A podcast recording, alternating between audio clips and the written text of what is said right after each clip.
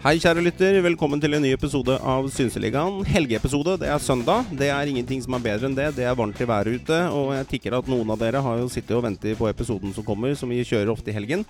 Den er her nå, og den blir sluppet i dag søndag utpå ettermiddagen. Så istedenfor å hjelpe kjerringa med å lage skillingsboller og middag, så kan du skru på, skru på Synseligaen hvis du ønsker det. Har lyst til å spare den til utover uka, så gjør det gjerne det, da.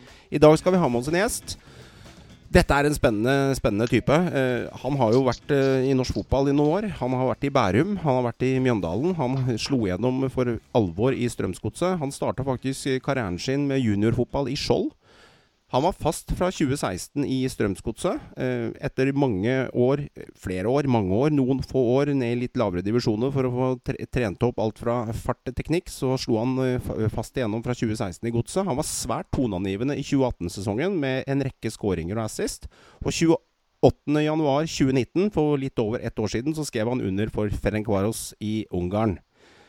Hans egenskaper er jo litt uh, unorske i stilen. Og når jeg tenker på Tokmak, Håvard, eh, hva tenker du da? Tenker jeg eh, først og fremst en spiller med ekstremferdigheter i, i fart og teknikk. Uh, dra en mann, skape sjanser, uh, levere målpoeng. Meran, du i andre enden, du har jo likt denne spilleren over lengre tid. Du har jo påpekt han Absolutt. flere ganger. Hva, hva, sitter du med når du hører navnet hans? Det er mye av de samme som Håvard sier, men også litt det med killerinstinktet på å se de rommene. Eh, se spillerne foran seg, se hvordan løpene er og finne ut hvordan han skal gå videre i neste steg. Eh, for ikke snakke om farta hans òg, og teknikk. Det er, eh, det er veldig unorsk over det. og eh, Han er i Ferenc Varos for en grunn, for å si det sånn. Og det er Absolutt en spennende spiller. Tokmak, eh, alle er jo litt usikre. Er det Nguyen eller Nguyen, eller hvordan uttaler man navnet ditt 100% riktig? Velkommen til podden Synseligaen. Eh, takk for det. Takk for, å, for, at jeg får være med. Eh, hvis vi skal prøve å si det så nærme som vi gjør det hjemme, eh, så er du nærme hvis du sier Nguyen. Nguyen. Sånn som det skrives nesten, da, med andre ord? Nesten som det skrives, ja. ja. Hvordan har du det akkurat nå eh, der nede? Nei, jeg har det så bra som, som det går an å ha det. Mm. Um, sitter mye hjemme, spiller mye COD. Uh, ellers så har jeg det bra. Du er en del av COD-gjengen. Er, det, er det Warzone, eller er du han som er litt mer aggressiv og må rett inn på timinutteren og, og, og, og kille? Nei, jeg er på Warzone. Eh, faktisk eh, så har jeg begynt å spille nå etter eh, vi fikk eh, karantene hjemme og sånn. Men eh, før det så var det mye Fifa. Riktig. Hvordan er Fifa-skillsa dine, Tokmak? De vil jeg si er på topp, ass, for å være helt ærlig. Høyt nivå? Eh, det er veldig høyt nivå. Men, uh, så jeg starta med jeg startet å lage den derre Jeg vet ikke om dere vet Fifa Pro? Hvis dere vet hva det er for noe? Jo, da har du, jo du vet det? Ja, ja. Ja, ja, så Vi kom jo selvfølgelig til førstedivisjon og holdt på å vinne. Uh, Oi! Så vi, vi har et uh, brukbart lag.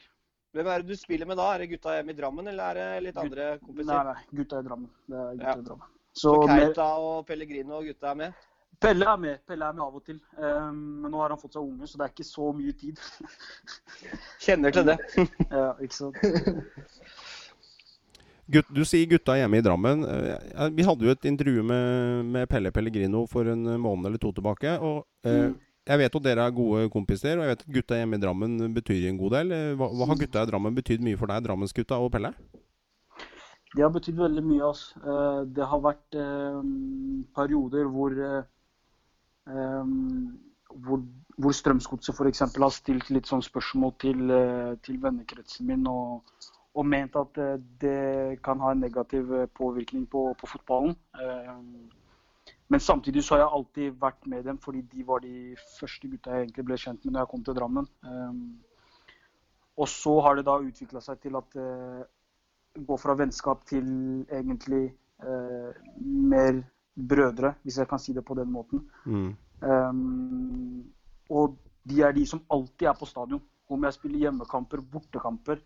De, de, altså har de mulighet, så dukker de opp. Um, og det er For meg så er det litt, litt vanskelig å egentlig sette ord på hvor, hvor mye de har betydd for meg. Um, så til den dagen i dag så, så er vi veldig close. Du sier de stilte litt spørsmål med vennekretsen din. Har klubben egentlig noe med det, hvis det gir deg energi og glede? hvis du ikke spiller, så tror jeg det har noe å si. Mm. Hvis du spiller og du presterer, så er det ikke så mange som, som egentlig sier noe som helst.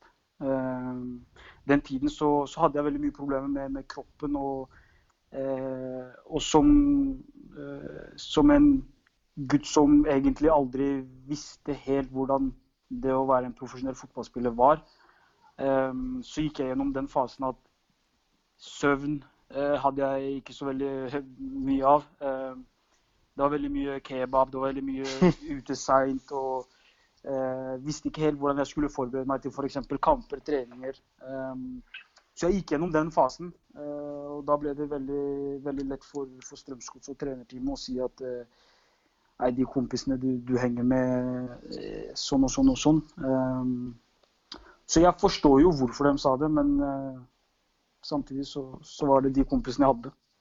Når lærte du å fokusere på eh, å bli mer profesjonell? Hvilken, hvor gammel var du da, og, og, når skjønte du hvor viktig det var? Jeg skjønte det fort etter eh, andre tretthetsbruddet mitt.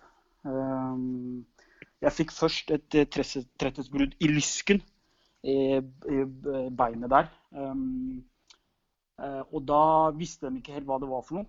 Uh, og så tok det ca. seks måneder. Så kom jeg tilbake igjen uh, og begynte å trene. Uh, og fikk det med en gang igjen. En uke etter trening så fikk jeg den, slo jeg det opp samme skaden.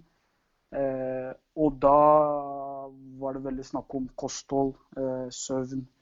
Um, og det var da jeg begynte å ta det skikkelig seriøst. Og da var det mye fisk og mye Eh, mye Ja, det var fisk egentlig fra jeg sto opp til jeg la meg. Eh, for det var det jeg trengte. Eh, og, og ehm, det var da jeg skjønte det. Så da tok jeg det veldig seriøst. Og etter den tiden så, så har egentlig kroppen vært grei. Uten noen sånne småting som, som man egentlig, egentlig, ikke kan gjøre noe særlig med. Er dette litt undervurdert i klubbene land og strand Norge, eller tok man ikke at man, dette med kosthold og søvn og hvile altså er, Med all respekt for klubbene, for å sette deg i forsvar der, er ikke dette litt klubbens ansvar òg? Å sørge for at man legger til rette for unge spillere som kommer opp, som ikke vet helt uh, hvilken løype man skal tråkke opp for å lykkes? Uh, for meg Men nå, nå, snakker jeg alltid liksom om hva jeg har erfart og hva jeg mener i forhold til mm. hva jeg har gått gjennom. Um, og for meg så, så, mener jeg at de må, de må skille mellom en som ikke veit noe som helst, og bare vokste opp med å spille fotball. eh, og til å ta det steget å være en A-lagsspiller. Eh, hvordan de skal få han til å forstå hvor viktig kosthold er, søvn og disse tingene her. Eh, hvis du putter han samme karen i samme båten som, som alle de som, som, har visst alt dette her, eh, og som kanskje klubben ikke forventer at de må følge så nøye med på, så blir det litt vanskelig. Og det var den, det var den fasen jeg gikk igjennom. Så det, det, det, å, det, er viktig, men samtidig må du vite litt uh, i forhold til hvem spillere som trenger det kanskje litt mer enn andre. Jeg husker jo deg tilbake, Tokki. Jeg vet ikke om du husker, husker, det her, men jeg var jo trener i, i Skjold et år. Eh, okay. Da Nippi var uh, trener for, for, dere. Med Ola Narnor og Benjamin Krantz og Riktig. en del av de gutta der. Uh, det året jeg var trener for andrelaget, da var du mm. også et par ganger med der, husker jeg. Mm. Og da, da, var jo du klart best, og du ble kåra til årets spiller den, på den tida der mm. Eh, i, i, Skjold. da. Det var jo morsomt å være rundt laget da. Eh, det var jo et ganske bra lag dere hadde. Jeg husker dere var eh, Dere vant jo kretsen med, med type et lag som var ett år yngre, da. Dere hadde jo en bra årgang på Skjold. Hvordan var de, den, de, den tida Skjold? Var, var det hvordan var den tiden, og, og har du kontakt med mange av gutta i dag? Um, tiden i Skjold var, eh, var, veldig spesiell for meg. For det er vel moderklubben din? er det ikke det? Det er, det Det er første, klubben, eh, første klubben jeg starta i eh, når jeg flytta til Drammen. Uh, og det var første banen jeg også spilte på uten å vite noe som helst om Skjold. Um, og det var der jeg møtte uh, Ola Narnor, f.eks., mm. uh, på banen jeg kom dit jeg, jeg, husker eh, første dagen når, jeg, når vi flytta til Drammen, så spurte jeg pappa om hvor nærmeste bane var. Eh, så tok han med meg og broren min. Og så var det, så var det noen gutter som spilte der. Eh, så husker jeg det det gikk litt sånn gradvis. Det var sånn Første dagen så sa jeg ingenting. Jeg var ikke med dem, holdt meg litt for meg selv. Andre dagen så var de også der. Tredje dagen så gikk jeg bort. Og så ble vi kjent. Og så fant vi ut at vi skulle starte på samme skole. Um, og så tok de meg med til, til var, jeg, jeg, tror det var før Nippi kom, så var det en mm. annen trener der. Um, så tok de meg med til han. Uh, og så starta jeg å trene med dem. Og så har resten blitt som det, det har blitt. Men uh, jeg, har, jeg, har, ikke så mye kontakt med, med Ola Narnor og, og, Benjamin Kranz og den gjengen. Men vi hvordan skal jeg si det, vi har veldig stor respekt for hverandre i forhold til at vi har den fortiden vi har. Uh, så, så ja, jeg snakker med dem, jeg møter på dem, hilser på dem, spør hvordan det går. Men, jeg, jeg husker i hvert fall at dere hadde et, et bra lag på, på Skjold. og Jeg regnet, jeg, sånn, jeg, jeg, så for meg at flere av dere kunne bli bra. Og mm. særlig du var jo dominerende, husker jeg. Du, du var jo veldig god på den tiden også. Allerede da. Vi hadde, vi hadde veldig mange bra spillere. Det, det, er sant. Og så gikk det derfra og videre til um, Godset. Så var det på utlån i Bærum. Mm. Og så var det på utlån også av gårde i uh, Mjøndalen, stemmer ikke det? Riktig. Riktig. Fortell litt om dette. Uh, inn i Strømsgodset, uh, ut igjen, fikk ikke tilliten, og så til slutt så, så dundrer det gjennom, og så tar du tak selv. Vi er litt nysgjerrig på gangen der, uh, Tokmak. vi kan starte med første, første utlånet til Bærum. Så var det egentlig mer sånn at jeg ville spille. Eh, jeg begynte å gå litt lei andredivisjon. Jeg begynte å gå litt lei den, uh, den samme greia hele tiden med å bare spille på Team SIF, og så trener du med A-laget, og så er du fortsatt like langt unna uh, noe som helst på A-laget. Um, så jeg ville være rundt et førstelag og føle meg viktig. og så hadde jeg fulgt med på Amal veldig lenge der i Bærum og, og hørt veldig mye der. Um, de hadde en veldig bra trener også, som var veldig sånn at han likte spillere som skilte seg litt ut, eh, og ville jobbe med dem. Så eh, når, til og med når Amal dro, så var, jeg, så var, det litt sånn, de var litt usikre på om jeg faktisk ville komme. Om, om, det var fordi at klubben var bra, eller om det var fordi Amal var der. Mm. Eh, men jeg var fortsatt veldig gira på å dra til Bærum, selv om Amal ikke var der lenger.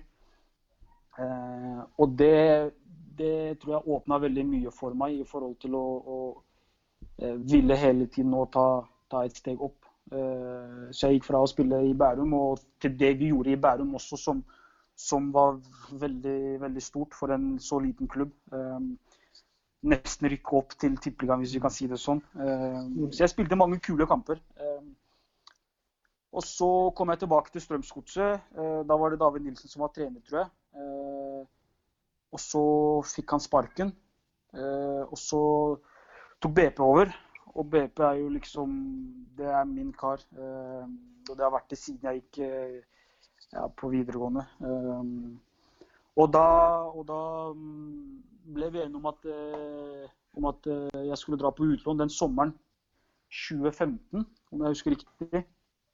Så dro jeg på utlån til Mjøndalen etter litt sånn noen som mente at eh, jeg ikke skulle dra dit. Men jeg ville virkelig spille i Tippeligaen. Det var det eneste som betydde noe for meg. Og jeg visste at jeg kom til å få noe ut av det. Eh, så jeg tok den sjansen og dro dit. Mm. Og etter jeg kom derfra, så, så, så jeg meg ikke tilbake.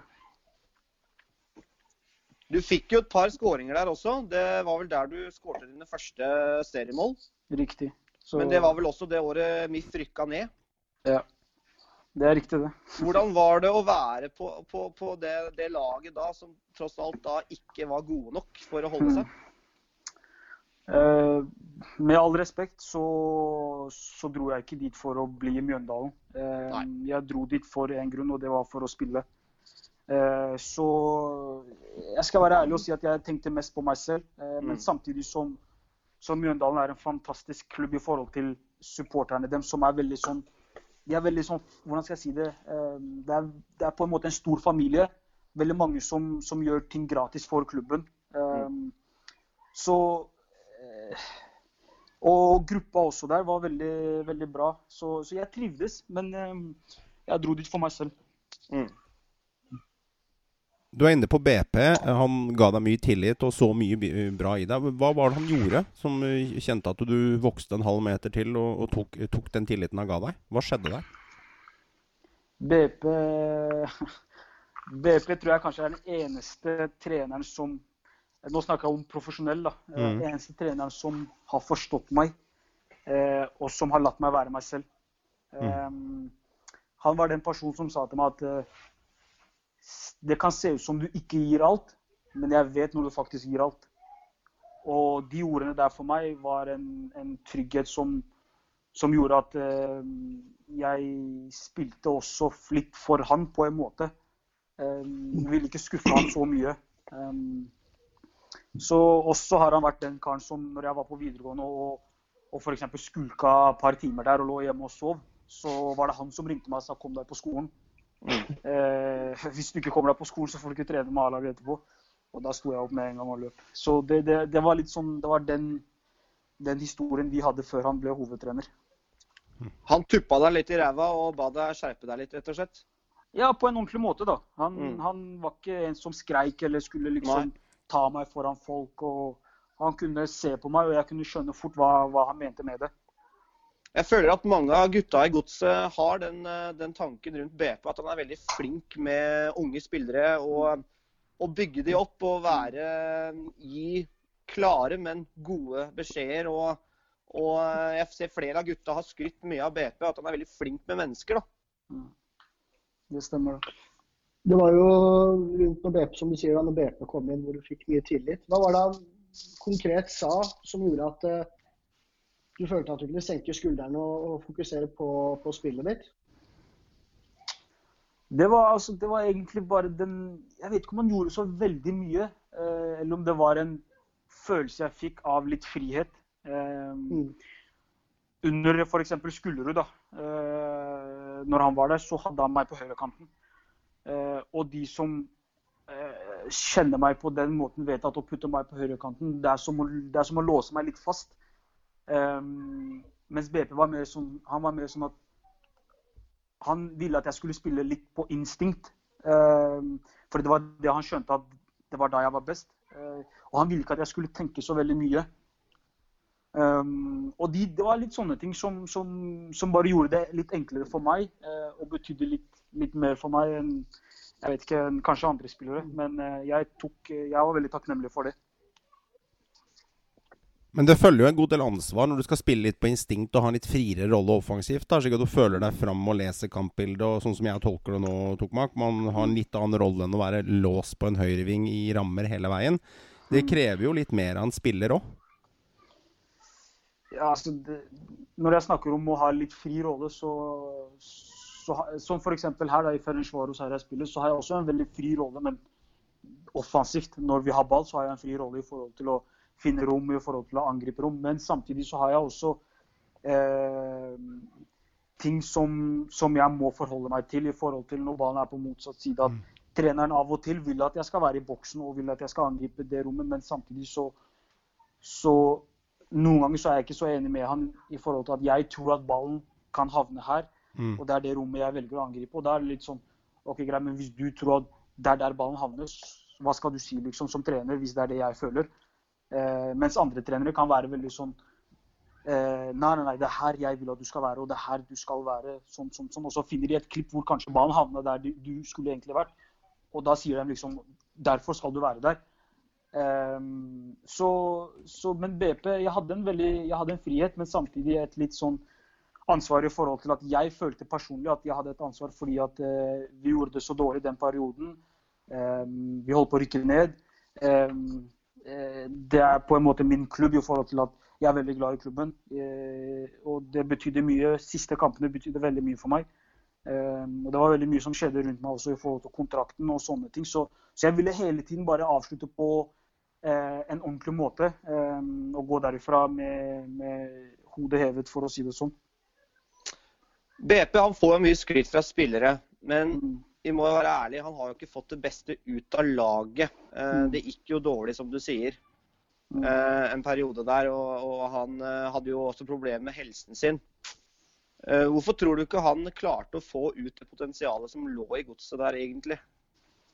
For å være ærlig så tror jeg ikke Jeg tror du kunne hente av hvem som helst i Norge. Jeg tror vi skulle slite med å få ut, få ut noe fra, fra den situasjonen vi var i. Det, det er litt sånne ting som jeg som spiller ikke egentlig kan si så veldig mye om. Men eh, det er, en, det er noe som, som, sitter veldig dypt i klubben. Det handler ikke bare om, om treneren. Eh, det, det, var en veldig tung tid, og ingen som fant svaret på, på problemene, egentlig. Mm. Det er jo sånn at Noen trenere får jo fryktelig mye skryt innad, sånn som BP får her. og Hadde en, kanskje et godt tak på mange av de unge spillerne der. De trengte den tryggheten. Og så er det kanskje spillere han ikke ville håndtert som er mer profesjonelle, som Håvard også påpeker. Ja, mm. Får ikke de resultatene i andre enden. Og til slutt så lever trenere av resultater. Så du kan utvikle mm. Tokmak eller Pelle eller andre spillere som kommer opp fra sida. Eller hadde han mm. hatt Johan Hove den gangen også. Så, så, ja, du kan utvikle sånne. Men hvis ikke du får det samlet resultatet, så, så er det dessverre på huet og ræva ut. Og sånn er det i fotball. Det, det, er, det, det, er, kynisk, altså. Det er veldig kynisk. Men du hadde en strålende sesong i 2018. Um, mm. Jeg husker veldig godt en kamp oppe, opp på Lerkendal når du spilte mot Rosenborg. Mm. Da så jeg et scoring av deg som er litt utypisk. Og når jeg tenker på deg, så tenker jeg litt på det målet. Du får ballen etter at Rosenborg mister den defensivt i leddet, og så får du ballen på en 22 meter, og så tenker jeg nå kommer han til å prøve å finne spissen Moss, eller finne kollegaen sin på vingen. Men så tar du og fiker med en sånn spesiell skru. Ikke Pellegrino-variant, for hans skru er magisk. Du har ikke samme skruen, men du har en frekkhet og en snert i det skuddet.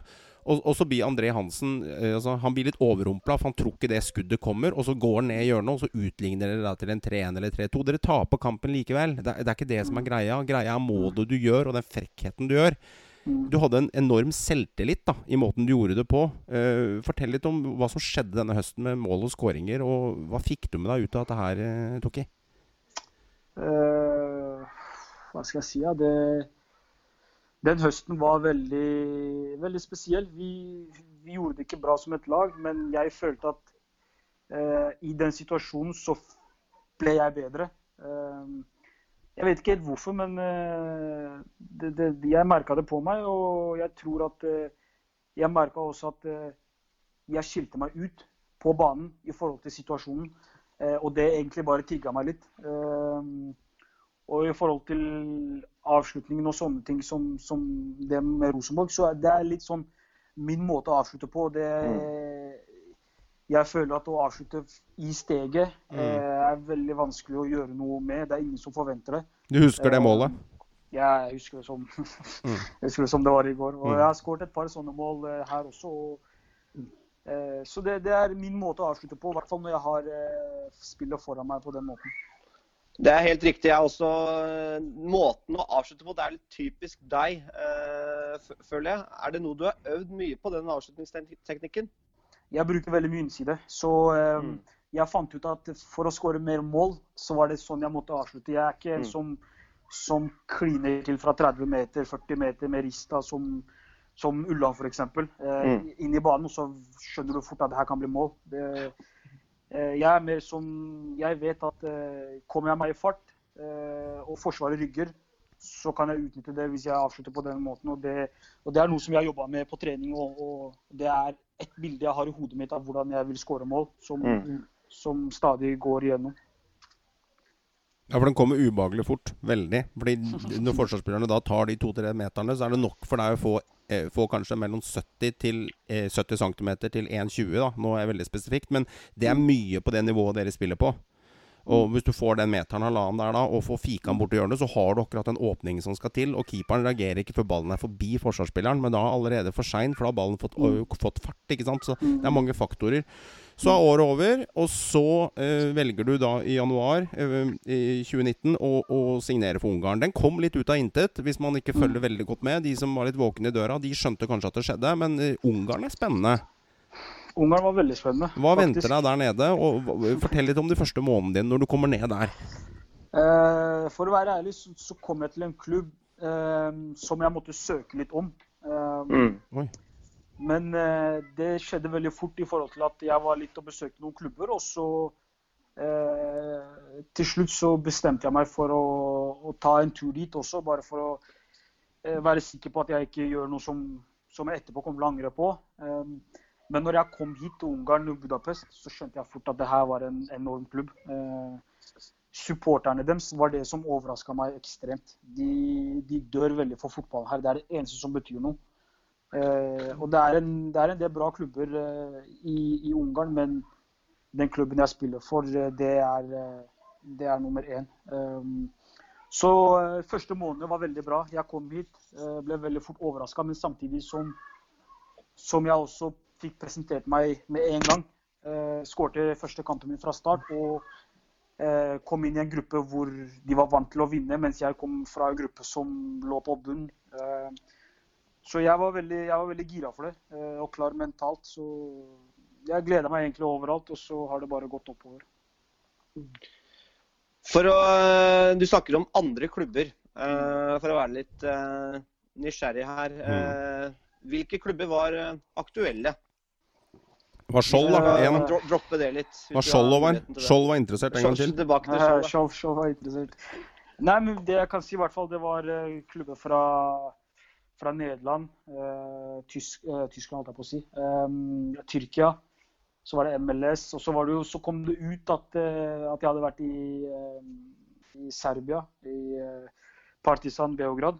Um, men eh, det var egentlig aldri helt aktuelt. Det var bare for å, for å ta en tur. De hadde mast ganske lenge. Eh, men eh, jeg bestemte meg med en gang etter at jeg hadde vært der at det, det kommer ikke til å skje. Og så var det egentlig to klubber i Nederland som, som jeg var veldig nærme å dra til. Før jeg dro til, til Ferencvaros. Så det var egentlig de som var mest aktuelle. Hvem, hvem, klubber i Nederland var det? Var det Tukki? Det første klubben var um, Willem Svei. Wilhelm Jeg vet ikke om dere vet om jeg uttaler det riktig. Uh, og så var det um, Utrekk. Utrekk eller Utrekk, som, som også var veldig gira. En annen norsk spiller han endte jo opp i Partisan Beograd, Moussa Njay. Ja, han har jo, har jo, ikke på en måte vært heldig med det valget der. Ehm, det har jo veldig mye å si åssen klubb du faktisk havner, i. da. Det, det, er jo litt, litt, ehm, Hva skal jeg si? Eh, du må treffe på klubbvalget ditt for å få en rett utvikling. Mm. Det, ja, jeg bare snakker. Og Hva er årsaken da til at du, til at du gjorde det valget til slutt? Du dro ned dit. Du hadde Nederland på, på sida, så hadde du Tyrkia der. Hvor falt valget? Var det lønn, var det trivsel, var det intensjon? Hvor, hvor sto det, Toki? Det var veldig mye på, på, magefølelsen, egentlig. Jeg følte den mm. veldig. Um, og jeg følte at det var egentlig det eneste som jeg kunne følge uh, i forhold til at uh, Jeg visste jo ikke uansett hva jeg gikk til. Um, men Moussa fra Stabæk, som var i Partisan, han var jeg og besøkte. og når jeg da kommer til klubben og de skal vise meg litt rundt i fasilitetene og sånn, og så sier han ene, han ene, en av trenerne som er med oss, så sier han ja, kan ikke du hilse litt på, på kompisen din? Så sier jeg jo greit, la oss gå og besøke han. Og så har de jo liksom et, sånn, et lite hotell eh, som spillerne bor i. Eh, og så skal vi besøke han da på rommet hans, og det ser ut som et glattcelle. Det er så liten, og det er køyesenger, og det er så vidt et vindu der, ikke sant.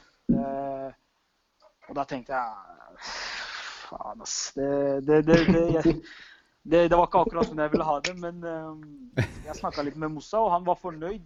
Men uh, samtidig, så, samtidig, som de også sa til meg at uh, For jeg spurte han sportssjefen jeg spurte han, ja, hvordan er det i forhold til lønn og sånn. Betaler dere i tide? Jeg har hørt litt og sånn. Og så sier han ja, ja, så deg og de spillerne som vi henter, kommer vi selvfølgelig til å betale til. Men så er det jo spillere som som de henter rundt omkring i Serbia, som kanskje ikke får lønn.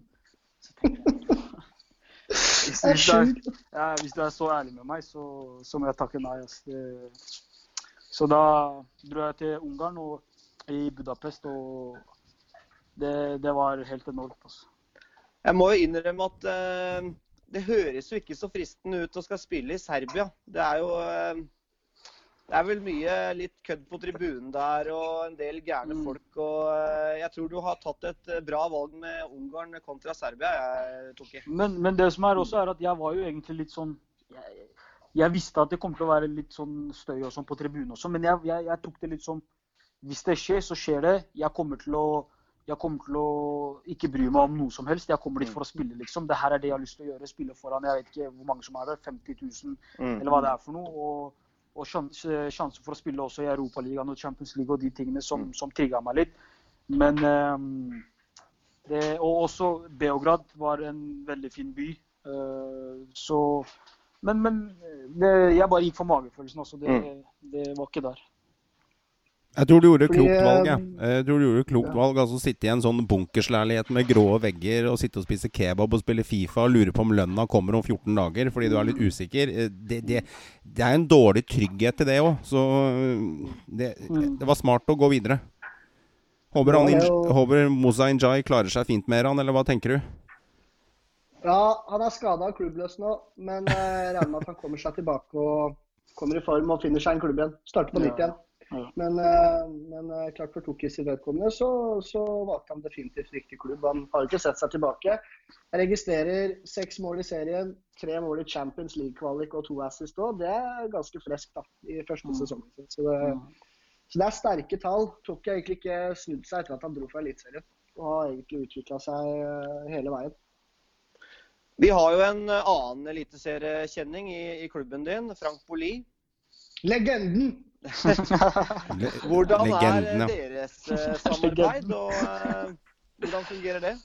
Det fungerer egentlig veldig bra. ass. Vi, vi har et veldig godt samarbeid på banen. Um, sportssjefen spurte meg om Frank før de signerte også, og jeg anbefalte, anbefalte han veldig. Um, men det som, det som også er at jeg og Frank vi fant tonen utafor også. Mm. Uh, så det har gått veldig bra. Ehm, men det morsomste er at han, han forstår jo alt av norsk òg, ikke sant. Ja. Så, eh, så han sitter på med meg til trening eh, hver dag. Og det er sånn Har jeg en telefonsamtale på norsk som egentlig skal være litt privat, så kommer jeg på til slutt at han her skjønner jo norsk også, ikke sant. Så, okay. Han kan men alt. han kan alt. Det er helt sykt. Så, eh, men eh, vi snakker engelsk, egentlig. Det, Ja, han skjønner eh, norsk, ja, men han prater Han- ikke det, selv om han har Han- vært lenge i landet. Nei, nei, han prater også. Han prater også. Han gjør det, prater. Han har jo vært i Norge i ni år. Håvard, så han Ja. kan mer enn det. jeg har aldri hørt han snakke norsk på intervju. Nei, nei. Han, eh, han unngår det, men han snakker norsk. Hadde Så det er Toki, Håvard, hadde Toki ringt den opp nå så, så, og putta han inn i samtalen her, så hadde vi blitt tatt på senga alle mann. Han, Ja, han, ja, han er ganske på, altså. Altså, da Altså, det, det, det, jeg ser opp til Boli, altså, så ringer vi han, så blir jeg starstruck. Vi skal ikke ringe Seriøst? Ja, han er veldig, han er, han, han er veldig glad i Boli. Vet du hvor stor legende han er i Stabæk? Ligger han og so Toki? Men Toki, ligger han og sover, eller? Uh, 110% Skal vi teste, eller? Ja, test, da. Se hva som skjer, da, hvis den er der. Men uh, hvordan går det her? Går det bare ringe på FaceTime, eller? Ja, du må trykke på ringknappen. Altså, vi, vi har han inne i fire minutter, da, så han får lov til å være med. Så skal jeg introdusere han. Men må jeg introdusere han på engelsk da, eller åssen blir dette, Toki? Du kan, eh, du kan starte på engelsk hvis du vil, og så kan du gå over til norsk. Men han er ikke så keen på å snakke norsk, tror jeg. Ok, men jeg kan kjøre engelsk. Men jeg har jo, jeg har jo en sånn perfekt blanding av eh, sånn, eh, sånn østlandsk Svelvik-engelsk. So it's gonna be quite nice. Meg å Du må trykke på den knappen med pluss, hvis du ser den plussknappen nede i hjørnet der. OK. ok. Der, ja. Men eh, er det her bare Facebook-folk, eller? Ja, har du den på Facebook? Facebook, jeg da? har den ikke på, jeg har den ikke på Facebook, altså. Han er ikke på Facebook? Jeg har den. Du har den på Facebook? Nei. Skal vi ringe han? Men jeg tror ikke han tar den hvis jeg ringer han, da. Nei, jeg tror ikke jeg heller. Kanskje Men vi skal få til et eh, intervju en annen gang med Tokyo Toki og vi Boli sammen. må ikke Ja, det, det kan vi fikse. Vekke, det vekke Boli, vet du, som ligger der og halvveis sover hjemme nå. Men sover han, eller? hva er det du og Ja. eksempel Frank gjør på fritida i Ungarn? da? Hvordan er det sosialt sett? Sosialt sett så er det egentlig ikke Han bor jo under meg.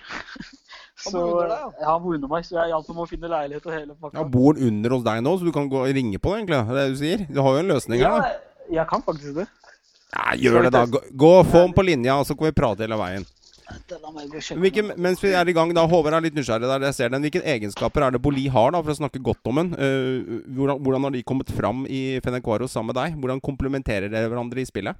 Eh, vi er veldig flinke til å utnytte hverandre i forhold til eh, eh, fart, og, jeg prøver alltid å se etter han når jeg er i boksen, eller når jeg er utafor boksen. Mm. Så jeg har alltid sagt til han at når jeg er rettvendt, bare stikk i bakgrunnen, så skal jeg prøve å finne deg. Mm. Så, men vi, vi, vi spiller veldig bra sammen.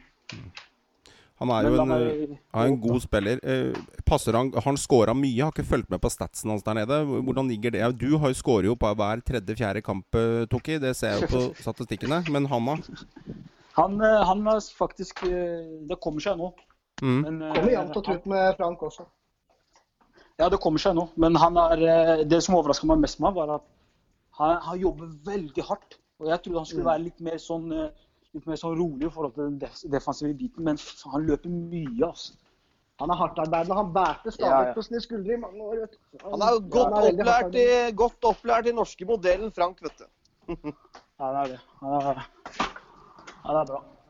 Og trygghetsmessig for deg så er det vel godt å ha en spiller som eh, du kjenner godt fra norsk eliteserie også, så dere kjenner, har litt samme uh, fotballkulturell bakgrunn fra norsk fotball, uh, Tokmak? Ja, ja, riktig. Så jeg sa til han liksom at eh, når han kommer, at han må være litt, eh, litt tålmodig i forhold til at eh, han ikke må tro at det, her, at det er som i Norge og som i Stabæk. fordi i Stabæk så kunne han eh, ja, hvordan skal jeg si det, jukse litt mer. Eh, mens her så er vi treneren vår er veldig opptatt av å, av å løpe og, og sånne ting.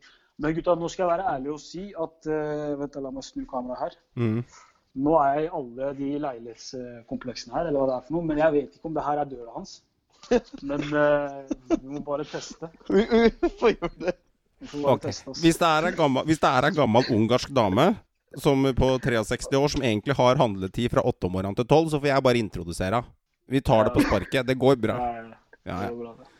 Ikke tenk på det. Eh, Altså, ut av det- komfortsonen, det er da vi vokser mest, vet du, innenfor lederskap. Så dette her er litt ut av komfortsonen på direkten. Kjør vei. Ja, det går bra. Han, han, er, han karen her sover altså Han sover hele tida. Det er helt sykt. Det er bra. Det er sånn det skal være, det. Dette er jo, dette er jo sjarm. Men den gangen der, det er, det, er litt sånn, det er litt som leiligheten på Brakerøya i 92 B. De der gangene du så der. Det vet jeg ikke hvordan det ser ut. altså. Nei, det, det, er litt sånn. Det er litt sånn. Ja, bra. Nei, det, Han sover oss 110 Ja.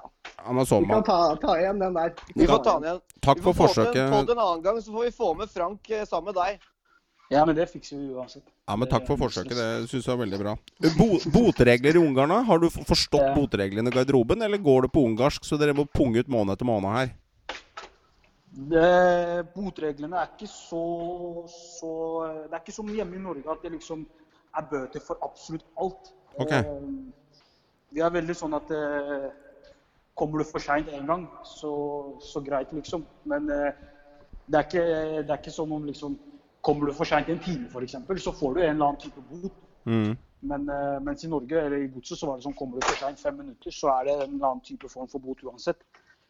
Eh, men eh, mens her så er det egentlig treneren også som er veldig sånn Han bestemmer litt i forhold til det der. Eh, så vi hadde f.eks. En, en spiller som, eh, som satt på benken i en kamp vi spilte hjemme. Eh, og så hadde han så skulle han, Siden han ikke kom inn, så skulle han ta et par spurter eh, etter kampen med han fysiske treneren.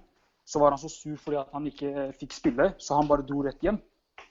Og så kommer vi dagen etter på trening, og så finner vi ut at han har fått, han har fått treningsforbud i jeg tror det var tre eller fire treninger. Han fikk ikke lov til å trene med laget. Eh, fikk ikke lov til å være med i neste tropp, og samtidig som han fikk eh, 1000, kroner euro, eller 1000 euro i, i bot.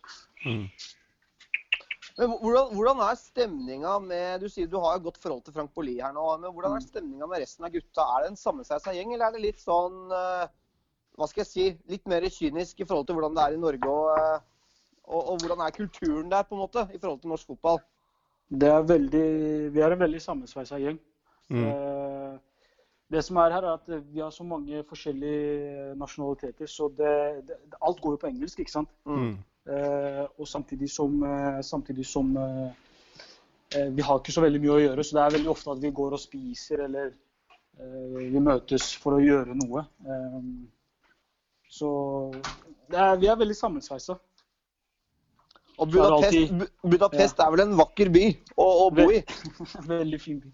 Så det er veldig mye å gjøre her. Veldig mange steder å spise. og så når vi har folk på besøk her, og sånn, så, så er det veldig mye forskjellig man kan gjøre. Har du uh, familie, kone jeg, vet ingenting om det, Tokmak, så jeg spør. Mm. Eller er du alene der nede som ensom har majestet med Fifa-spillet ditt? nei, nei, jeg har kona mi her, Du har kona di, ja. så, ja, så det, hjelper, det hjelper på. Hvordan trives de? Veldig bra. Hun, eh, hun liker det. Eh, Så, men eh, vi er jo egentlig veldig rolig, så det er ikke, vi er mye hjemme. Mm. Det er egentlig sånn, sånn jeg egentlig liker det selv òg. Så det er ikke så det er ikke ute og spise hver dag og, og sånne ting. Så vi trives godt. Så fyker ikke mye rundt på nattklubben i Budapest, med andre ord? Nei, det er bare å glemme oss. Holder deg mest hjemme? Det er bare å glemme oss. Og, og, det som er morsomt, er at her så de, de kjenner deg igjen med en gang. vet du. Så når jeg skal ut og handle mat og sånn, så er det med en gang eh, noen som skal ha autograf og, og bilder og sånne ting. Og samtidig som at eh, du representerer den største klubben her. Mm. Eh, og den klubben, det er ikke sånn at det er bare en fotballklubb. Det er klubben som hele Ungarn eh, har veldig, veldig nært, eh, nært, forhold til. Og da er det sånn det, det, det, hvordan skal jeg si, det ansvaret du har når du f.eks. går ut på en nattklubb, da, den, mm. den, er ikke det samme som hjemme i Norge. Eh, men, eh, men, samtidig som jeg har også alltid vært sånn at hvis jeg f.eks. drar ut, så er jeg litt forsiktig med, med, hva jeg gjør og sånne ting. i forhold til at jeg har folk i Drammen som, som, som ser opp til meg. Jeg har brødre, yngre brødre. ikke sant? Mm. Um, så jeg har alltid vært veldig opptatt av det der. Men når jeg kom hit, så tenkte jeg wow, det, det, er, ikke, det er ikke bare bare. Ja, du har Fenencvaros er vel en klubb som har ekstremt mye fans andre steder i Ungarn enn bare i Budapest? Ja, ja, ja. Det er hele Spiller vi f.eks. på bortebaner, da, så er det det, det det, er veldig det er, ikke så, det er mange småbyer, ikke sant? så det er ikke så, det er ikke så mye som skjer utenom den fotballen. Men når vi kommer, mm. så er det fullsatt. Og, da, og, de kommer for å se oss. Mm. Og så spiller f.eks. den andre klubben, da, som dere kanskje vet om, Vidi, Videoton. Var det, den, var det den klubben ja. som Henning Berg var trener for? Riktig. Ja. riktig. Det er kanskje den klubben som, som, etter oss, så er det liksom den beste klubben, da. Mm. Eh, og det er oss som alltid kjemper om, om gullet her. Og eh, det er de med, de med mest penger. Eh, så når, når, vi til og med, når, når, de spiller mot de samme klubbene, så er det ingen som bryr seg. Men når vi kommer, så skal alle komme. Eh, og det samme også når Videoton spiller på hjemmebane mot de andre lagene, så er det liksom ingen som bryr seg. Og så kommer vi til dem, og da er det fullsatt. Så du kjenner, litt på, du kjenner, du kjenner litt på det at når, når, et lag midt på tabellen litt lenger ned eh, mottar Fenencvaros på hjemmebane, så trapper de opp en to-tre hakk og gjør alt for å ta dere? Ja, ja. Det er et kjent fenomen i Norge, det der, gutta. Rosenborg har jo hatt litt interposisjonen i Norge. Eh, litt sånn at man, det er viktigere å ta skalpen på RBK enn å vinne borte mot Haugesund. Det var dine ord. Det var mine ord. Det er en sannhet, det, vet du, gutta. Men hvordan er eh, selve trøkket på tribunene rundt omkring? Er det liksom litt sånn eh, er, Hvordan er de litt mindre klubbene? Er det litt sånn falleferdige stadioner? Eller hvordan er selve nivået på ligaen og, og fasiliteter?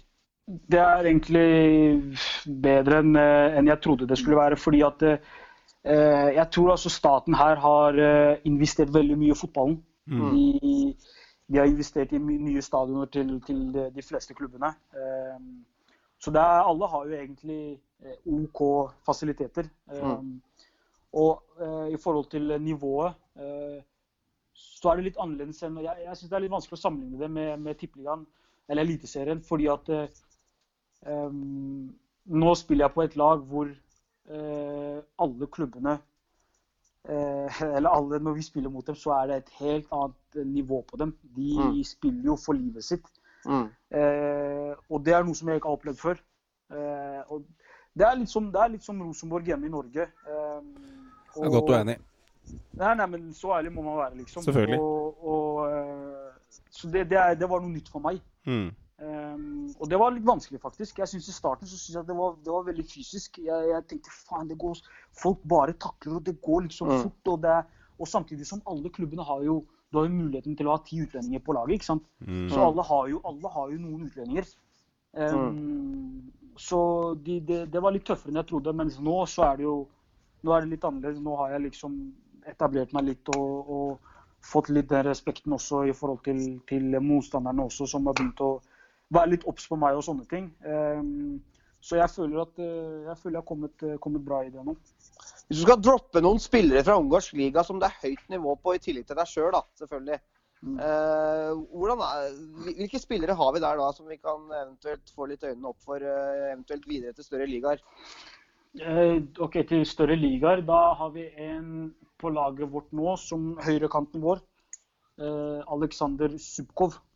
Eh, som er fra Sjaktar, på lån fra Sjaktar. Mm. Eh, veldig, veldig god kantspiller. Eh, har et eh, bra venstrebein. Jeg tror han fort kan finne seg en, en bedre klubb. Eh, men det som er litt morsomt, er at de henter jo ikke sant, spillere på lån fra f.eks. Shakhtar, og det er noe de har gjort nå to ganger, og som de har fått litt suksess på. Mm. Eh, og de spillerne som kommer fra, fra Shakhtar, som da jeg spurte når jeg kom hit, så tenkte jeg hvorfor kommer dere fra Shakhtar hit, liksom, på lån? Mm. Mm. Eh, og selvfølgelig, alle vet jo at Shakhtar har jo bare brasilianere der, ikke sant. Mm. Og alle kantspillerne deres er jo Det er et høyt nivå på kantspillerne deres. Så sier de liksom at eh, de har jo null sjanse. Skjønner du? Og da er det sånn, ok, greit, så dere kommer hit, og da sier de vi kommer hit fordi først og fremst så spiller de i Europaligaen, og de har liksom sjansen til å, til å spille i de, i de uh, cupene her og sånne ting. Og, og um, de, også, de, ser på det som en mulighet for dem selv. Et springbrett? Et springbrett for, for, dem selv. Og da har du liksom han ene som var her i fjor med meg, som spilte på motsatt kant. Han dro til, til Vidi nå eh, og ble kjøpt for jeg tror 15 millioner kroner. Eh, etter å ha vært på lån her i, i, Budap i, i Ferencvaros. Og så henta de en annen kantspiller som nå gjør det veldig bra. Og som nå har fått et par klubber fra ja, Italia og litt forskjellig som, som vil hente han. Mm. Og da er det sånn det, det, er litt sånn Det er sykt at uh, folk følger med i en sånn klubb også. Så hvordan er nivået på de ungarske spillerne? Det er jo et landslag som på en måte ikke har hevda seg sånn ekstremt. De slo jo ut Norge i playoff for noen år siden. I den mm. tragiske bortekampen med Høgmo der. Eh, der, eh, der eh, keeperen med joggebuksene fikk størst oppmerksomhet, kanskje. Mm. Og ikke minst laguttaket til Høgmo. Men hvordan er nivået på de ungarske spillerne? Eller er det de importspillerne som er best? Jeg tror det er de importspillerne som, som har liksom hevet ligaen. Mm. Veldig. Men Samtidig som Ungarn også er et land som, som, er veldig glad i sine egne. Og det har vært veldig stor snakk om at eh, det er for mange utlendinger her. Eh, mm. Og de må begynne å fokusere mer på, på, sine egne. Men samtidig så har det også blitt sagt at hvis vi skal fokusere på våre egne, så kommer vi ikke til å komme i Europaligaen, Champions League osv. osv. Mm. Um, så det er egentlig utlendingene som har tatt det neste steget her. Mm. Tror du spillerne i Ungarn, hvis du ser på en typisk ungarsk midtstopper, venstreback, indreløper, defensiv Nivået på de i en alder fra 19 til par og 20 år som spiller i ligaen, ser bort fra utenlandske spillere som deg, som har kommet inn i ligaen, da. Lokale mm. spillerne i Ungarn. Hvilket nivå er de i forhold til norsk, norsk eliteserie der? Det er vanskelig å si, altså. Mm. Uh, men de er ikke noe Jeg skal være ærlig og si de er ikke noe dårligere. Det er de ikke. Uh, men det er ikke så veldig mye eh, utvikling av unge spillere uh, i, fokus her. Mm. Så du finner liksom ikke noen Vi har en, vi har en unggutt på laget som, som, spiller på midtbanen, som faktisk er veldig, veldig bra. og jeg, han, jeg, tror han kan bli en veldig bra fotballspiller. Men det er liksom det er egentlig han siden jeg har kommet, som jeg har sett. Mm. som jeg også har som jeg også kan si han er veldig bra og han kan bli god. Mens vi har hatt spillere som har kommet opp for å trene litt med oss og sånn. Og det har ikke holdt nivået i det hele tatt. Mm. Men samtidig så er det sånn hva, hva, skal vi gjøre? Vi trenger folk på trening, og da Det er det her, liksom. Det er ikke så stort fokus på utvikling, litt mer å hente for å få suksess der og da? Ja, det, det er sånn det er. Mm.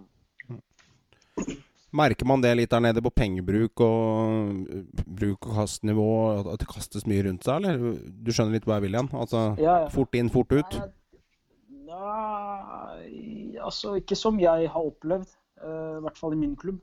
Mm. Uh, så jeg vet ikke helt hvordan det er i forhold til pengebruk og sånne ting, men det, det er to klubber som, som, har ganske greit med penger, og det er min klubb og, og Videotom, som mm. er de to Altså det det er ingen som er i nærheten av de to klubbene her.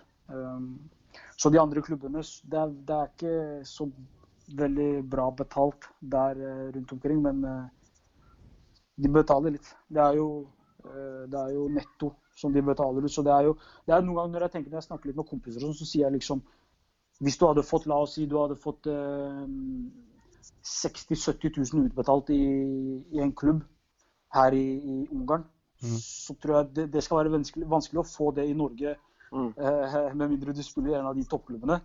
Mm. Eh, men hvis du får det i en klubb som er sånn midt på tabellen her, så er det ganske bra.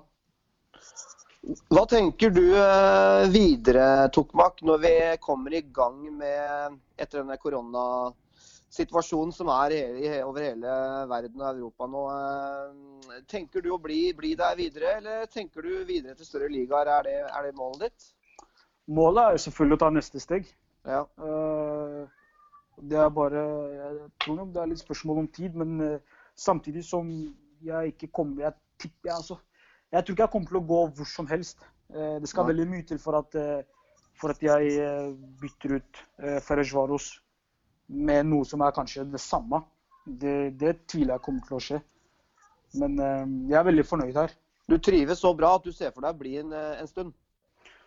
Ja, altså jeg, jeg, jeg, jeg, har jo lyst til å, jeg har lyst til å ta et nytt steg. Det har jeg. Ja, ja. Men uh, ikke for hva som helst. Uh, trivsel er ganske det, For meg så er det ganske, det er ganske viktig. Uh, jeg vil ikke dra til et sted hvor jeg f.eks. så vidt kan gå ut, eller Eh, hvis jeg går ut, så er det ingenting rundt meg. Mm. mens her så er jeg to timer unna å ta et fly hjem til Norge og, og møte familien min. Og de, veldig, de, kan jo også komme når som helst. Det går jo to fly om dagen eller noe her. Så det er litt sånne ting som, som jeg setter veldig pris på. Mm. Hvordan løser de det med koronatider der nede? Har du, hvordan tiltak er det der versus norsk, hvis du har fulgt med litt på det? Eh, et av tiltakene var jo det jeg sa i stad i forhold til uh, tidene som, som, man kan gå ut og handle. Mm. At de tar og uh, skiller mellom de yngre og, og de eldre, uh, de som er mest utsatt. Og så er det jo sånn at du kan jo ikke fly rundt i gatene her når du vil. du skal ha en grunn for at du går rundt og, og ja, sitter ute og f.eks. spiller kort eller hva du enn du driver med med ti stykker rundt deg. Det, det skjer ikke.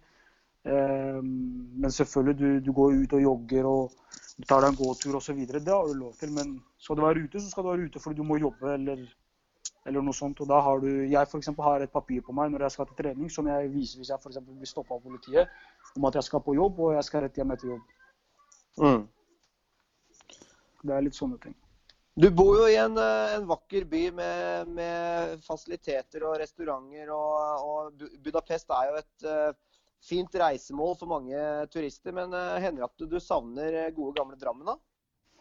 Jeg savner Drammen, men samtidig så En ting jeg har lært gjennom, gjennom årene, er at Drammen ikke forandrer seg. det er det, så, så, så når jeg har vært, når jeg f.eks. har vært borte en stund, og så kommer jeg hjem igjen, så tenker jeg alltid faen, jeg har savna gutta. Så jeg lurer på hva de driver med osv. Så, så kommer jeg hjem, så er det jo det samme som skjer. Og det er litt sånn uh, På stedet hvil? Ja, men, men, det, litt, men det, er litt, eh, det, er litt, godt også, fordi du vet jo at eh, du vet hva du går tilbake til. Og, ja. Men samtidig så Du savner selvfølgelig Drammen, og du savner familie og, og, og kompiser. Og, det er jo litt annen kultur hjemme i Norge enn det er her, f.eks. Og mm. det jeg savner også mye, er jo uh, litt sånn mat og sånne ting. Um, som Det er ikke det samme som jeg får her. Uh, så det er litt sånne småting som jeg savner, men uh, det var på tide å, komme seg litt vekk, tror mm. jeg. Mm. Litt andre impulser er nok sunt i en karriere å ta litt nye For litt andre, et annet nivå og, og ikke minst utvikling. Ja, riktig, riktig. Du har jo um, fått en liten uh, oppgave av meg, Toki. Ja, stemmer. Var det vanskelig? Det var litt vanskelig, men uh, jeg tok egentlig de første som, som jeg kom på. Mm. Eh, jeg orka ikke å bruke så veldig mye tid på det, fordi jeg tenker litt sånn hvem er det, Hvis jeg tenker én posisjon, hvem er det jeg får opp i hodet? Mm. Uh, og det er egentlig de som, som, jeg har valgt å gå for. Mm. Herlig. Har du lyst til å droppe til oss? Hvilken uh, elver er det du uh, serverer oss? Elveren min, det må bli Hvis vi starter med keeper, så må det bli Dinamo Zagreb-keeperen, eh, Livakovic. Mm. Eh, som jeg ble Jeg spiller mye FM, ikke sant? Mm. Eh, og jeg pleier å kjøpe han ofte når jeg starter med et lag. Eh, men eh, når jeg faktisk spilte mot han, så tenkte jeg fy faen, for en keeper. Det var det, det, var det eneste jeg tenkte hele tiden. Eh, så jeg ble veldig overraska over hvor, hvor god han var, og hvor rolig han var. Huska du han fra FM da, eller var det sånn at du bare sjekka det etterpå? Jeg, spiller, du, jeg, skal, jeg, skal, være ærlig, jeg skal si det her. Vi flyr til, uh, vi flyr til Zagreb, ikke sant? Jeg er karen som sitter på flyet og spiller FM. det er også. Så jeg spiller FM helt til jeg ikke kan spille FM. Eh, så når vi er på hotellet, så er det FM. Eh, til vi skal spise, så kommer vi opp igjen, så spiller jeg FM videre. Men eh, så, så eh, når vi spilte mot, eh, mot han, så, så, var det Jeg ble, jeg ble veldig overraska over hvor god han var, faktisk. Um, så høyrebekken Der er vi også en annen fra FM. Der er det Mario Fernandes fra CSK Moskva. Mm. Um, som, som, jeg spilte mot. Veldig, veldig bra spiller. Um, og så har vi to stopperne mine. Der, der var jeg litt usikker på, på, hvem jeg skulle ta med. Men en som jeg alltid har uh, Som jeg alltid har vært uh, veldig sånn Jeg liker han veldig som spiller. det er Jakob Glesnes. Um, jeg har veldig sansen for hvordan han spiller fotball. og i forhold til egenskapene han har, at han er rask, han er sterk. Men med ball så er han veldig, veldig bra. Ehm, jeg hadde også Det var nesten så jeg tok med Jørgen Horn, men eh, der var jeg litt sånn Jørgen Horn var også litt, litt lett å gå forbi også. Eh, litt annet navn enn de andre, da? Jørgen Horn? Ja, litt annet navn enn de andre gutta på lista der. Eh, ja, det er litt, ja. ja, det er litt, det er litt annet navn, men, men han var veldig bra. Glesnes han rakk jo å skyte et greit frispark òg, før det ble stopp i USA. Ja. Eh, så han spiller med, med Jan Oblak og, og, den gjengen der. Eh, og han, eh, han, eh, er veldig, veldig bra også. Litt samme, litt samme type som Jakob, men kanskje eh, veldig, veldig mye bedre med ball. Um, og det er egentlig han som starter alle angrepene våre bakfra. Det er helt vilt. så på venstrebekken så tok jeg med Birger Meling, som jeg har spilt mot et par ganger, som jeg har slitt med å gå forbi et par ganger også. Mm. Um, og det er sånn at uh, underveis så sier jeg liksom Hei, bra spilt, liksom. Du, det var ikke så lett å gå forbi deg den kampen her. Uh, så det er han som jeg tok som venstreback. Uh, på midten så har jeg tatt med meg Stefan Johansen. Um, så tok jeg med, tok jeg med Daniel Olmo faktisk. Mm. Det er en veldig FM-spiller for meg. Det er han jeg alltid kjøper også. Så jeg ble veldig Når jeg så han, så, så var det veldig kult. Men Daniel Olmo eh, ødela oss egentlig eh, når vi spilte mot dem. Um, eh, og så har jeg på andre midtbanen så har jeg Martin Ødegaard, selvfølgelig. Um, spilte du noe særlig med Martin? Jeg spilte med Martin. Trente mye med han. Eh, og hadde et veldig godt forhold til han også. Um, så det, Han kom jo opp første treninga hans også, når han, kom, når han trente med oss. Så eh, jeg tror alle bare fikk sjokk, egentlig. Over første touchen hans og hvor, hvor smart han var. Og, altså, det, var det var helt ekstremt. Altså. Men vi alle skjønte at det her er en spiller som, som skal som er på vei til toppen. Så... Det må ha vært sprøtt å spille med en 15-16-åring som fortsatt gikk på ungdomsskolen og som dominerte i, eh, i serien? Det var helt ekstremt. Men uh, du kunne ikke merke noe på han. Det var det som var litt sånn kult. Han kom, var helt rolig, uh, gjorde det han skulle gjøre. Sa ikke noe som helst. Var bare en helt vanlig gutt, liksom. Uh, så du fikk jo aldri noe Du fikk aldri noe, noe spesielt ut av han. Men så, så han, er, eh, han, er, en spiller som jeg absolutt eh, tar med. Også i angrep så har jeg tatt med meg eh, jeg tok med meg, ja? Moi, når han var i Molde. Mm. Som, som, jeg syns var kanskje den beste angrepsspilleren. Eh, sammen med Krepin Diata. Det var en spiller som, som når jeg så han, tenkte jeg fytti helvete. Det var det første jeg tenkte. Fart, teknikk. ja. litt, sånn, litt sånn, det er litt sånn som dere sier om meg, det er det jeg sier om han, liksom. Mm. Eh, du, så ikke, du, så, du, så ingen som hadde det han hadde den tiden han var i, i Sarpsborg. Mm. Eh, voldsom spiller. Voldsom. Eh, ekstrem. Det er jo en spiller som gjør det veldig bra i Belgia også nå. Han har jo, han har jo blitt en klassespiller i, levert i, i, Europa også. Mm. Så, så, han, eh, når jeg, når jeg, kom på han, så, så var det en spiller jeg ville ha med. Og så selvfølgelig Haaland, når vi spilte mot ham. Mm. I, jeg er jo karen som, jeg er karen som når jeg, Etter en kamp, f.eks. Når jeg har spilt en kamp, så er jeg karen som dusjer, går på hotellet hvis vi spiller en bortekamp, og så er jeg rett på PC-en og finner kampen jeg har spilt. Og så sitter jeg og ser kampen 50 ganger. Og når jeg så den Molde-kampen, så eneste jeg så tenkte på etterpå, var Haaland. tenkte jeg, Hva slags bevegelser er det her? Fordi jeg så ikke sånne typer bevegelser av en spiss.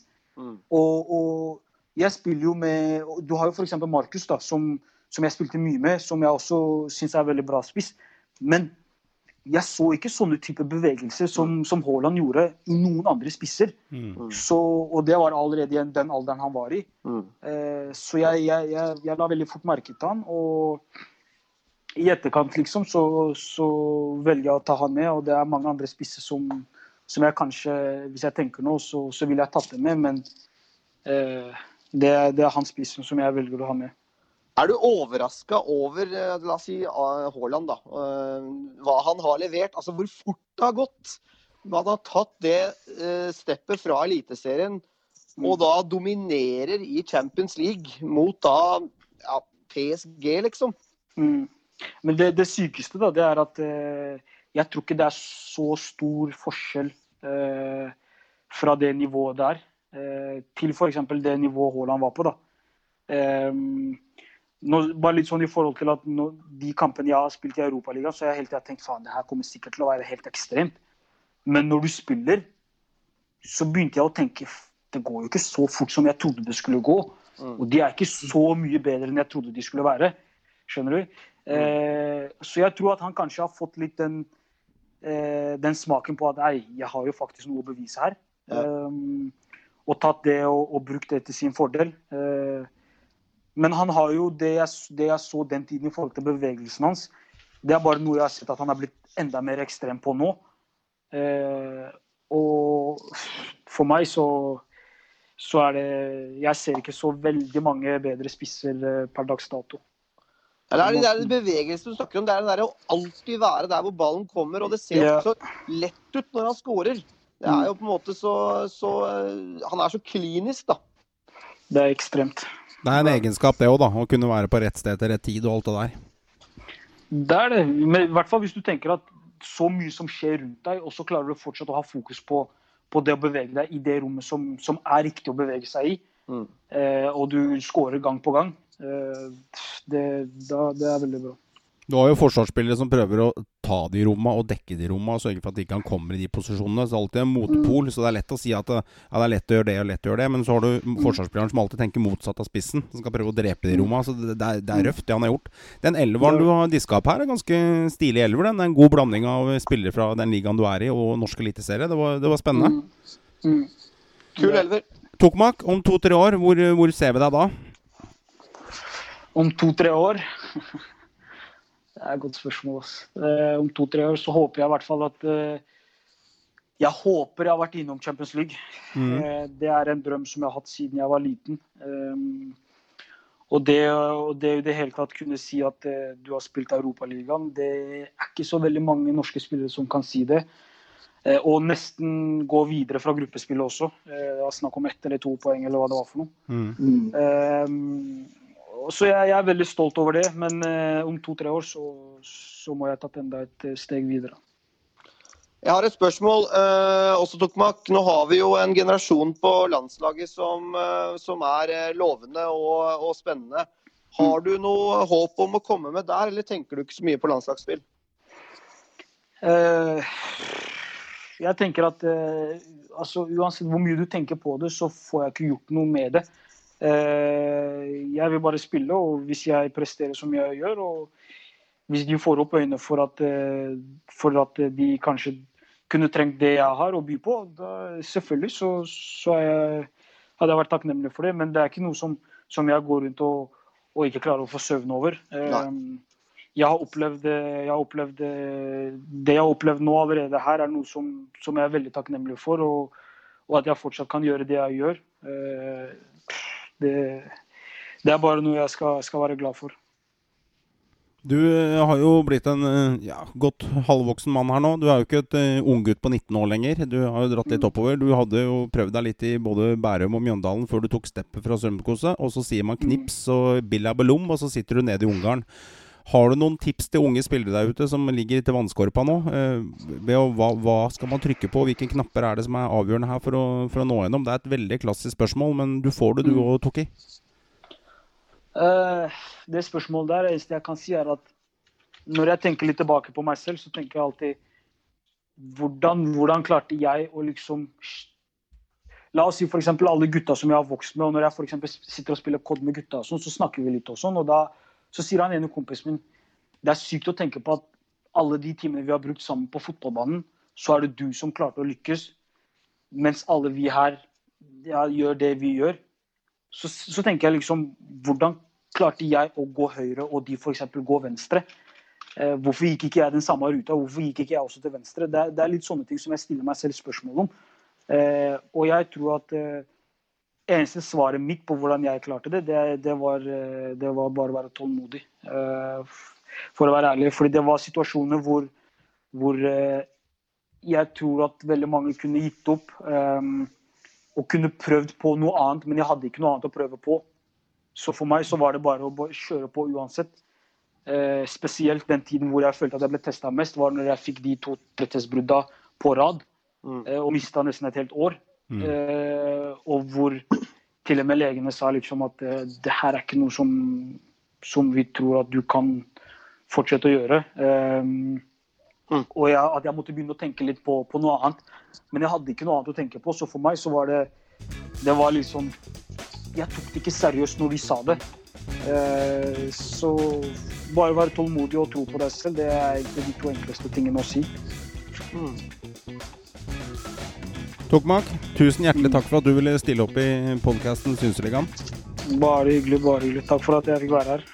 Glede å ha deg med, og så ønsker jeg deg lykke til i, til i opptreningen og sesongen dundrer i gang igjen etter at koronaen har gitt seg Ungarn nå. Så får, du, så får du kose deg mens og ta vare på deg selv og familien. I like måte, boys. I like måte. Vi snakkes. Vi snakkes. Ha det fint. Ta vare. Ha det godt. Ta vare, ja. Ha det, Tokki.